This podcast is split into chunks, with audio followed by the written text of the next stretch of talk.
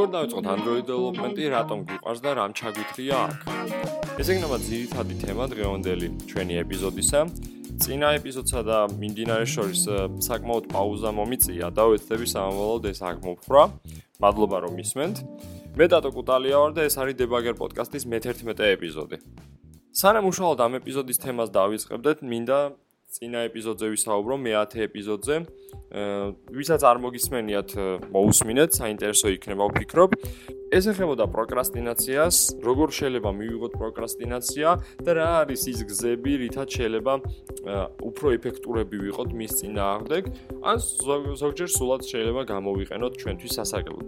და მეორე, ზოგადად როგორ შეიძლება შეფასდეს რაც დეველოპერი თუმცა ეს ღრმად არ განმიხილავს ეს საკითხი, უფრო ვეხებოდი, რამდენ არის ნორმალური, რომ იყო საშუალო რანგის დეველოპერი და ზოგადად რამდენად აფუჭებს მედია და სხვა საშუალებები დეველოპერის პერსპექტივას, არად იდეალური დეველოპერის პერსპექტივას ჩვენთვის, რომ რაღაც სადღაც შორს არსებობენ უნიკორნ დეველოპერები და რაღაცა და ამ დროს შენ მუდმივად იმპოსტერის სინდრომში ვარდები, შემდეგ მიწყება პროკრასტინაცია, რომ რაღაც შედ კონკრეტულ შედეგს თითქოს და ვერ აღწევ.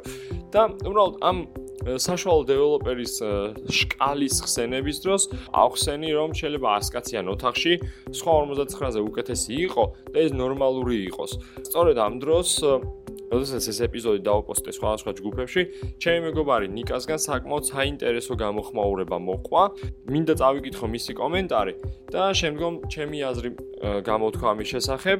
ვიფიქრო პასუხი პოდკასტის სახით დავებრუნებინა, რადგანაც წერილობითი სახით საკმაოდ შორს წავიდოდით. მოდი ნიკას კომენტარით დავიწყებ. დედა აზრს რას ეხებოდა. საშუალო დასკაციან ოთახში 59-ზე უკეთესი რომ იქნები, რატომ უნდა კონდეს საერთოდ ამას მნიშვნელობა? ან საერთოდ რას ნიშნავს უკეთესი დეველოპერი ამ შემთხვევაში? და რა თქმა უნდა, ეს არის სუბიექტური შეფასება, ზედმეტადაც კი ზოგჯერ.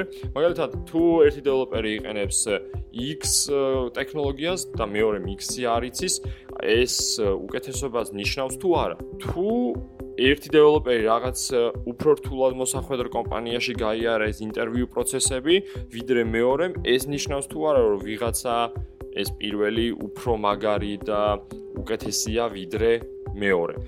რითი განისაზღვრება ეს უკეთესობა, ანუ რა ჭრილში? სწორედ ჩემს ეპიზოდში აი ამ დახარისხება არ გამიკეთებია, რას გულისხმობდი უკეთესში და როგორ შეიძლება დაგვეკლასიფიცირებინა. და ეხლა ვეცდები რომ ახსნა. გავაგზავნებ ასევე უკეთესად ამ კითხვის ჩაშლას. თუ ერთი ერთი кейსი ავიღოთ, რაც პრობლემაა გადასაჭრელი. ერთმა დეველოპერმა გადაჭრა ეს რაც ოპტიმალური კოდით, ასე ვთქვათ, ამაზე ორი წამის მერე ვისაუბროთ ოპტიმალური რას ნიშნავს, ვიდრე ვთქვათ მეორემ, მაგრამ მეორეს კოდი უფრო წაკითხვადია. პირველი შემთხვევაში კოდს რაღაც სასწაული პერფორმანსი აქვს მეორესთან შედარებით კმარ კონკრეტულად, ანუ სამოგეთ ეს წაკითხავდება readability საკმაოდ დაბალი აქვს. და რას რას ეხა როგორ ვადარებთ ამ დეველოპერებს? ჯგუფ ჯგუფის პერსპექტივიდან თუ შევადარებთ, ნიშნავს, რომ ანუ მეორე დეველოპერი უფრო მისაღებია, რადგანაც მთელ ჯგუფს შეხედავს თუ არა ამ კოდის ესმის და რაც უაზრო over engineering-ს არაკეთებს და ჩახლა ნაკლებად ჩახლართულია. მაგრამ პირველ შემთხვევაში უფრო ნაკლები CPU ციკლი გამოიყენა, მაგრამ აქაც შეიძლება შევედაოთ რომელ CPU-ზე, რა პლატფორმაზე, სხვა კომპონენტები რა იყო, ანუ რა არქიტექტურა იყო CPU-ზე, ეს ARM იყო, AMD 64 იყო. ანუ იმდენად რთული და სუბიექტური საზომი არის, რომ ძალიან მკაცრი პირობები გვჭირდება, რომ ეს ორი დეველოპერი შევადაროთ ერთმანეთს. და აქ არც Stack Overflow-ს, არც LeetCode-ის, არც HackerRank-ის ქულები არ გვეხმარება. ცოტა კიდე გავყვები ნიკას კომენტარს, უფრო სიმძაფრე რო დაგანახოთ ამისი. საუბრობს ლინუს ტორვალდსა და რიჩარდ სტოლმან შორის ორი ძალიან ცნობილი ადამიანი ჩვენს ინდუსტრიაში, რომელმაც შექმნეს ხელსაწყოები, ხელსაწყოები კი არა, ერა შექმნეს, რომელზეც დაშენებული არის უკვე შემდგომ თლიანი ჩვენი განვითარება ამ სისტემების და ხელსაწყოების, ან ნებისმიერი ის ხელსაწყო, რასაც შეიძლება ჩვენ ვიყენებდეთ, ან თვითონ დამოკიდებულია მათ შექმნილ პროდუქტზე, ან მათ ანუ ამ დეველოპმენტის პროცესში იყენებდნენ იმ ხელსაწყოებს, რაც ამ ადამიანებმა შექმნეს, ანუ მასშტაბურობა რო დავინახოთ ამ Linux-ის, Git სისტემის, GNU-ი, Open Source Foundation-ის და ამ შემდეგ. მოგლეთ, ორივე საკმაოდ ცნობილი, ავტორიტეტული დეველოპერი და სახე არის ჩვენთან, თუმცა ორივე არის ძალიან ტოქსიკური ადამიანი. ანუ ჯგუფში ორივეს აქვს პრობლემა და ამის გამო სტოლმანი რამოდენიმე თვის წინ გადადგა საერთოდ, რადგანაც თანამშრომლებთან ვეღარ მუშაობდა. Linus Torvalds-ი რეაბილიტაციაზე წავიდა, რადგანაც მასას პრობლემა ჰქონდა სხვა დეველოპერებთან, ადამიანურ დონეზე პრობლემები ჰქონდათ. ამიტომ რო თქვა რა არის აქ უკეთესი დეველოპერის საზომის შკალა. ამ შემთხვევაში თუ ვადარებთ ჩვენს მაგალითად Linux Torvalds-ის პროგრამული ენების ცოდნას, ძალიან ანუ ვარ, ბევრი აჯობებს მას და ბევრსაც თვითონ დაჩრდილავს. თუმცა როგორც ჯგუფის წევრად, როგორც აღმოჩნდა საკმაოდ ტოქსიკური ადამიანი არის. მოდი ახლა მე ვეცდები რომ ჩემი ხედვა გადმოცე. პირველ რიგში, მადლობა ნიკა, ასეთი დაუზარელი კომენტარებისთვის და შენი ხედვის გადმოცემისთვის. მინდა გითხრა, რომ ამ ნაწილში მთლიანად გეთანხმები, რომ ძალიან სუბიექტური არის და მე თვითონ ვიზიარებ ამ პათოს და ვაღიარებ, რომ წინა ეპიზოდში შეიძლებოდა ამ რაღაცის კონკრეტული კლასიფიკაციის წარმოჩენა. და სწორედ ეს აკლდა წინა ეპიზოდს, რამაც გამოიწვია რაღაცა ცოტა ბუნდოვნება. მოდი ახლა ორი წამი ცოტა სხვანაირად შევხედოთ. ანუ ეს არ ნიშნავს რომ არ გეთანხმები უბრალოდ გეთანხმები და მინდა უფრო მეტად დავაზუსტო რაღაცეები, რას გულისხმობდი უკეთეს დეველოპერში. ზოგადად დეველოპერი რას აკეთებს? ანუ რა აქვს მიზანი დეველოპერს? დეველოპერი ისეთი პირია ან ყოფით ცხოვრებაში როგორც ნებისმიერი სხვა ადამიანი და ნებისმიერი სხვა პროფესია, ну საბოლოო მიზანი არის რომ რაღაცა პროდუქცია მან ისე შეფუთოს, რაღაც სახემდე მიყვანოს, რომ ვიღაცა იყენებდეს. კონკრეტულად მნიშვნელობა არ აქვს ის იქნება დაქირავებული სხვა კომპანიის მიერ თუ საკუთარ კომპანიაში იქნება. ანდაც თქვათ ინდი დეველოპერი იქნება თავის. ანუ მნიშვნელობა არ აქვს სად არის საძის რასაკეთებს თუ მის მიერ შექმნილ პროდუქტს არ ეყოლება მომხმარებელი. ამ შემთხვევაში დეველოპერი არ არსებობს და დეველოპერის სამუშაოს აზრი არ აქვს. აი წარმოგიდგენთ, სუფთა მოთხოვნა მიწოდების ამბავი არის. თუ კი ბაზარზე არ იარსებობს კლიენტურა, რომელმაც ეს პროდუქტი გამოიყენოს, მნიშვნელობა არ აქვს, რაც დაამზადებს. მაგ შემთხვევაში მის მუშაობას აზრი არ ექნება, რადგანაც ფუჭად ვისთვის უნდა გააკეთოს რა, ანუ აი, ოკეი, ჩემი ინტერესს რაც გავაკეთე, მაგრამ ეს არ არის long term, იმიტომ რომ ყველაფერს ამ სამყაროში ყავს მეორე მხარე, რომელიც ამას ან გამოიყენებს, ან ადაპტაციას გაუკეთებს, ან შეამოწმებს, ან რაღაც რაღაცა ქმედება ხდება. ეს არ არის ერთციკლიანი, თქვათ, ოპერაცია. ეს არის მრავალციკლიანი ჯაჭვი, რომელიც ერთმანეთზე გადამული. იგივე არის ამ ჯაჭვში ერთ-ერთი პატარა ნაწილი დეველოპერი. რომ ამბობ რომ შეიძლება რომ ზოგიერთ დეველოპერზე უკეთესი იყო, ეს ნიშნავს რომ ამ ველურ სამყაროში, სადაც ეს ყველაფერი ხდება, ამ პროექტების დამზადება, მიწოდება, აღიარება ერთმანეთის და ასე შემდეგ. ზოგიერთი დეველოპერი უკეთეს შედეგებს, ან უკეთეს წარმადობას აჩვენებს, ვიდრე სხვანი და ზოგჯერ ეს არ არის დამოკიდებული პირდაპირ არ არის დამოკიდებული მათ უნარჩვევებზე, skill set-ზე.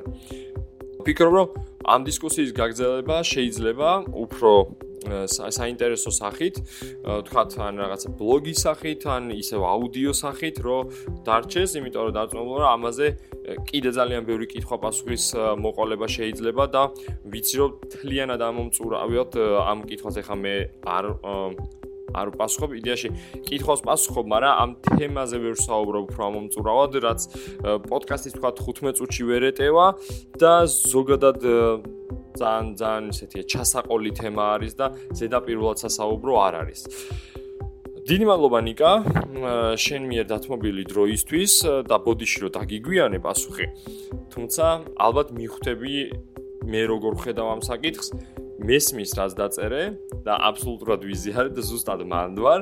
უბრალოდ აი ამ ასპექტს დავამატებდი დეველოპერის ზოგადად არსებობას ბაზარზე. აი მოდი დავუბრუნდეთ დღევანდელ თემას. დღევანდელი თემა არის Android-ის შესახებ.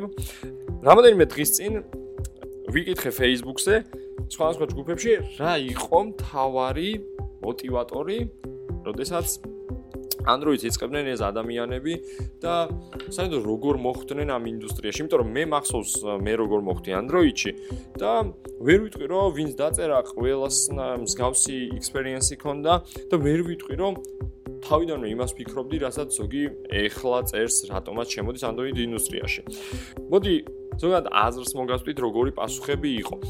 პასუხები იყო, რომ ვინც Android developers ახლა იწყებს, development-ს იწყებს, პრობლემა არის ხშირად ბარიერი iOS development-ისთვის, კონკრეტულად ფინანსური. დავაზუსტებ, Android-ის დასაწყება development-ის დასაწყებად საჭირო არის ну, საშუალო კომპიუტერი, დღევანდელი მოთხოვნებით მინიმუმ 8 გიგაბაიტი ოპერატიული და სასურველია 16. დღევანდელი მოთხოვნებით ეს არ არის ის მიუღწევადი და არც დიდ ხარჯებთან არ არის დაკავშირებული. ტელეფონის ქონაც არ არის აუცილებელი, რადგან Android-ი სტუდიო უკვე ანუ დიდ განვე მარას ეხლა ეს ემულატორი კონკრეტულად აქვს ძალიან სწრაფი და დახვეწილი. მოდის ემულატორთან ერთად ეს დააწყებელ ეტაპზე მაინც აკრობს იმის, თქვათ, უპირობო აუცილებლობას, რომ იყოს ტელეფონი დეველოპმენტში ჩართული. მეორე მხარეს არის iOS-ის სისტემა, სადაც საჭირო არის MacBook-ი, ანუ ნებისმიერი macOS-იანი სისტემა, ну, ეგ Mac mini იქნება თუ რა მნიშვნელობა არ აქვს. და სასურველია ტელეფონით, რადგანაც Xcode-ს აქვს სიმულატორი, რომელიც მთლად ზუსტად იმ state-ს არასახავს ყოველთვის, რაც ხდება ტელეფონზე. მოდი, ვისაც აინტერესებს ემულატორის და სიმულატორის განსხვავებას და ჰოლივორებზე, აქ არ დავიწყებ, დიახ, ჰოლივორი არც არ გამოდის თუ ადამიანს ორივეს კონცეფტი კარგად ესმის. მაგრამ ვისაც არ ესმის, უაზრო დისკუსია იმართება ხოლმე მათ შორის. ამიტომ ვისაც აინტერესებს მათ შორის რეალურად რა განსხვავება, შეუძლია დაგუგლოს ემულატორი Android-ზე, სიმულატორი არის iOS-ზე. კარგი, გავაგრძელოთ. ესე იგი, რა requirement-ები გვაქვს ახლა ეს გავიგეთ. ორივე მხარეს. პირველი სწორედ ეს იყო, რომ სტუდენტს თქვა თან ნებისმიერ ადამიანს, ვისაც უნდა რომ დაიწყოს iOS-ი, მოსწონს სიმპათია აქვს, მაგრამ ვერ იწყებს. არის ძალიან დიდი ფულის გადახდა უწევს თავიდან. აა კი, ლეგიტიმური მიზეზია. პლუს ამ აპლიკაციის გამოქვეყნება, რომელიც გჭირდება აკაუნთი Android-ზე, ან Google-ის Play Store-ზე ღირს 25 დოლარი და ეს არის lifetime. აა Apple-ისთვის iTunes-ზე ეგ არის ყოველ წელს 100 დოლარი, რომელიც ნიშნავს, რომ შენ მუდმივად რაღაცას უნდა ქმნიდე, რომ გიღირდეს თუნდაც შენი პორტფოლიო აპლიკაციის შენარჩუნება წელიწადში 100 დოლარად. ოკეი. პირველი ეს მიზეზია, მეორე მიზეზი საკმაოდ ლეგიტიმური და რაც მომწონს ალბათ მეც ეგრე ვიყავი არის რომ მისი open source ბუნების გამო ბევრისთვის ეს იყო უბრალოდ რომ დიდი ხანია Android-ის მომხმარებელი იყო და უცებ გადაწყვიტა რომ ბარემ Android-ზე დავწერო, საკმაოდ ლეგიტიმური არის. დანარჩენ შემთხვევაში უბრალოდ აა შემთხვევით რომ მოხვდი Android-ში გაყევი ან მულტიპლატფორმიდან შემდგომ კონკრეტულ ერთ პლატფორმაზე გადმოხვედი, ასეთი ვარიანტებიც არის. თუმცა ძირითადად ეს სამი ვარიანტი ჭარბობდა. და ძირითადად მე მგონი თელ ანუ ეს ეს იქნება ის დიდ მასშტაბზეც რო ჩაგვეტარებინა ეს გამოკითხვა დაახლოებით გავს შედეგს მივიღებდით. მოდი Android-ზე ცოტა უფრო გვიან ვისაუბროთ შემდგომ ეპიზოდებში, თქვა რა მოგწონს და რა არ მოგწონს პროგრამულ დონეზე და თქვა რა შევცვლით და რაღაცა რატო რატო თქვა შეიძლება ვერ ვიტანდეთ კონკრეტულ საკითხებს. თუმცა ეხლა დავიწყოთ როგორ არის შესაძლებელი Android development-ის შესწავლა. მოდი Android-ი იმდენად პოპულარული არის, რომ ძალიან ბევრი ონლაინ კურსი დევს YouTube-ზე, Udemy-ზე, Coursera-ზე, ბევრგან. და არის საკმაოდ ბევრი წიგნი, მაგრამ პრობლემა არის სწორედ სწორი მასალის შერჩევა ამდენ ხმაურში. რადგან Android-ი სწრაფად ვითარდება, საკმაოდ სწრაფად ვითარდება, საკმაოდ დიდი მასალა გროვდება წლიდან წლამდე, რომელიც უკვე მომავალ წელს არასწორი იქნება და არ იქნება ის, რაც ეფექტურია გამოსაყენებლად. ამის გამო მუდმივად ხდება ამ ციგნების განახლება და შემდეგ. რამოდენიმე თვის წინ გადავაცდი რამოდენიმე ამ ციგნებს, რომელიც ჩავთვალე რომ შემეძლო გამეზიარებინა როგორც დამწყები ან სურველისთვის Android development-ში დასაწყებად. რადგან ამ ციგნებს მუდმივად ვათვალიერებ და რაღაც კურსებს რომ შემდეგ შევძლო ვინმეს ვურჩიო, ან მქონდეს მაინც სადღაც შენახული, იმიტომ რომ მოთხოვნა დიდია და ან პირადად მაქვს ისეთ ხალხთან შეხება, ვისაც ციგნები სჭირდება ხოლმე დასაწყებად და ასე შემდეგ. წიგნებს ამ წიგნებს აუცილებლად დავლინკავ აღწერაში, ამ პოდკასტ ეპიზოდის აღწერაში. ასევე არის ვიდეო გაკვეთილებიც, თუმცა ვიდეო გაკვეთილები უფრო კონკრეტულად უნდა შეარჩიოთ ალბათ ის მოგწონთ თუ არა სპიკერის ხარისხი, როგორი სილაბუსი აქვს და ასე შემდეგ. მე ვეცდები რომ მხოლოდ წიგნები დაგილინკოთ ამ შემთხვევაში, რადგანაც ფიქრო რაღაცა საკითხებს უფრო საფუძვლიანად შეისწავლით ვიდრე თო ვიდეო გაკვეთილიდან დაკო ოპირებით.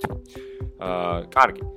მოდი, ეხა რატომ გვიყვარს Android development? ანუ რატო შეიძლება თქვენ დაიწყოთ ვიღაცებმა ამ Android-ზე წერა? პირველ რიგში, Android-ი თვითონ სისტემა open source არის, მაწყობილი არის Google-ის მიერ. ამის უფასოდ გავრცელება ხდება ნებისმიერ მათ შორის თქვენ შეგიძლიათ აიღოთ ეს, დააკომპილიროთ და გაუშვათ თქვენს ანუ თქვა ტელეფონებზე და გექნებათ თქვა სრულიად ჩვეულებრივი Android-ი უბრალოდ Google სერვისების გარეშე. Google სერვისები ცალკე უნდა ჩაწეროთ თუ გინდათ. თემა არის რომ Android-ი არის open source და ყველა შეუძლია ამ source-ის ნახვა ვერსიების მიხედვით და მოკლედ რაც უნდა იქიდან ამოიღოს. ეგერთი. მეორე, Android იმდენად მრავალფეროვანი არის, რომ მე დაწყებული smart botasi და სადაც შეიძლება mini android-ი იყოს გაშვებული და დამთავრებული ან საკმაოდ დიდი სისტემებით, რომლებიც თლიან android-ზე მუშაობს და საკმაოდ წარმატებით. ეს არის ერთი კიდე პლუსი. თუმცა მინუსიც არის შე შემთხვევაში, იმიტომ რომ პრობლემები იქნება ამ device-ების, თქვათ ხელშეწყობის თემაზე, ანუ შენ ვეგიწევს, რომ ეს ყველა ხელსაწყოს support-ი გაუწიო. კიდე Android-ისთვის პლუსი არის ძალიან დიდი დეველოპერული კომუნის არსებობა. ანუ ძალიან ბევრი ვართ Android დეველოპერები და ძალიან ბევრს შეგვიძლია თქვა ერთმანეთის იდეების მოსმენა, გაზიარება, რაღაცა შესწორებების შეტანა, დახმარება და ასე ხა ვაკეთებ სიმართლე, ანუ ამ პოდკასტის ეპიზოდშიც კი მე პირადად Android დეველოპერი ვარ, ასე რომ კი, აი ეს არის და Android კულტურა ძალიან ფერადია, ძალიან კარგია, თბილია, ხიარული, ძალიან ესეთი კარგი გარემოს უფევს ხოლმე ამ კონფერენციებზეც და დეველოპერებს შორის, ასე რომ და სხვადასხვა ხშირად უფრო ღია არის ეს კომუნა, თქვა შეხვედრების და მითაფებისთვის, ვიდრე სხვა მეგობარი პლატფორმების და პროგრამული ენების კომუნები ხოლმე. კარგი. რამ ჩაგვითრია უკვე ვისაუბრეთ და როგორ დავიწყოთ Android development-ის თემაში მინდა დავამატორო ასევე Android development-ი იმდენად პოპულარული გახდა საქართველოში, რომ არსებობს კურსები, მაგალითად GeoLabs აქვს კურსები, როგორც ვიცი, უნივერსიტეტებში ისწავლება უკვე, თქვათ, მეორე, მესამე კურსებზე, რაც ძალიან კაი მაჩვენებელი არის. აქამდე Android-ი საერთოდ სახსენებელში არ იყო, ბოლო 2 წელიწადს თუ არ ჩავთვლით. კიდე სხვა ტექნიკური სასწავლებლებები არსებობს, რომელთა სილაბუსის შესახებ უბრალოდ არ ვიცი და ამიტომ ვერ გიჩვევ, თუმცა საკუთარი კვლევა ძიება რო ჩაატაროთ, რომელი ჯობია, აუცილებლად მოხდებით. ანუ საწყისები Android development-ის როგორც კი შეისწავლით, შემდეგ იხსნება სულ ახალი სამყარო, საიდანაც ძალიან საინტერესო ხდება აი Bluetooth-თან მუშაობა, რაღაცა GPS-თან და რუკებთან მუშაობა, აუდიოებთან მუშაობა, თვითონ არქიტექტურასთან მუშაობა და ზოგადად საინტერესო ასევე ის არის, რომ ყოველ წელს Google-ი რაღაც ახალი ტრენდებით გამოდის, აა, ცუდია თუ კარგი ეგ ცალკე, მაგრამ და ამაზე ადაპტირების მომსწრე ხარ წლიდან წლამდე. საკმაოდ სწრაფად განვითარების და მთავარი თქვათ ეშხი ამ Android-ის ჩემთვის არის სწორედ ეს. და სწორედ ის არის რაც ამდენი ხანი თქვათ მამყოფებს ამ პლატფორმაზე ამ პლატფორმაზე რომ მომხვედრილიყავი ნელ-ნელა შორიდან ვეპოტინები მომწონდა და საბოლოოდ იყო რაღაც გარდატეხი მომენტი სადაც თლიან Android-ი ავირჩიე. ვიტყოდი რომ ძალიან სწორი არჩევანი იყო ძალიან ბევრი გამოწვევა Android-ზე რაც შეიძლება ყოველდღე გვაწვალებდეს, თუმცა აი როგორც აი ენთუზიასტის გადმოსახედიდან უყურებ, Android-ი არის ის სისტემა, რომელიც მართლა მიყვარს. სისტემა არის, რომლის ზრდასაც მოვესწარი. ბოლო 7 წელია, ვთქვათ, ანუ დეველოპერი არ ვარ, თუმცა Android-ის მომხმარებელი ვარ და Android-ს ვუყურებ. როგორ იზრდება და მაგ პირადი რაღაც შინაგანი მიჯაჭვულობა ამ სისტემისადმი, რის გამოც თვლი, რომ შემილია მე ამ სისტემაზე ისე საუბარი, რომ არ ვიგრძნო, ვთქვათ, რაღაც დანაკლისი, ვთქვათ, კონკრეტულად რაღაცა კონტრარგუმენტი თუ მოვა რაღაც საკითხთან დაკავშირებით, რომ თავი დაჩაგრულა და არ გზნო რაღაცა კომპენსაცია Android-ის სისტემას არ კონდეს, ან რაღაცა ისე არ კეთდებოდეს, როგორც სხვა სისტემაში. მოკლედ, ძალიან გაიწელა ეს ეპიზოდი, თუმცა ფიქრობ, რომ საინტერესო იქნება ამ ხალხისთვის, ვისაც Android-ის დაწყება სურს. შემდეგ ეპიზოდს ფიქრობ ისევ რომ ან Android-ისთვის გავაკეთო, ან უკვე Kotlin-ისთვის, რადგანაც საერთოდ არ მიხსენებია ეს ენები Android-ზე Java-ს და Kotlin-ის საშუალებებზე სპეციალურად, რადგანაც მინდა დავიწყო შემდეგ ეპიზოდში Kotlin-ზე საუბარი, ვისაუბროთ Java-სთან შედარებაზე, ვისაუბროთ Java-ზე, მოკლედ ძალიან ბევრი კარგი რაღაცა გველოდება შემდეგ ეპიზოდებში. სულ ეს იყო დღევანდელი ეპიზოდი. დიდი მადლობა რომ ამდენი ხანი უსმენდი. ყველაზე გრძელი ეპიზოდია მოგონი ეს რაც გაკეთებულა დებაგერ პოდკასტში. მადლობა ყველას. შევხვდებით შემდეგ ეპიზოდში.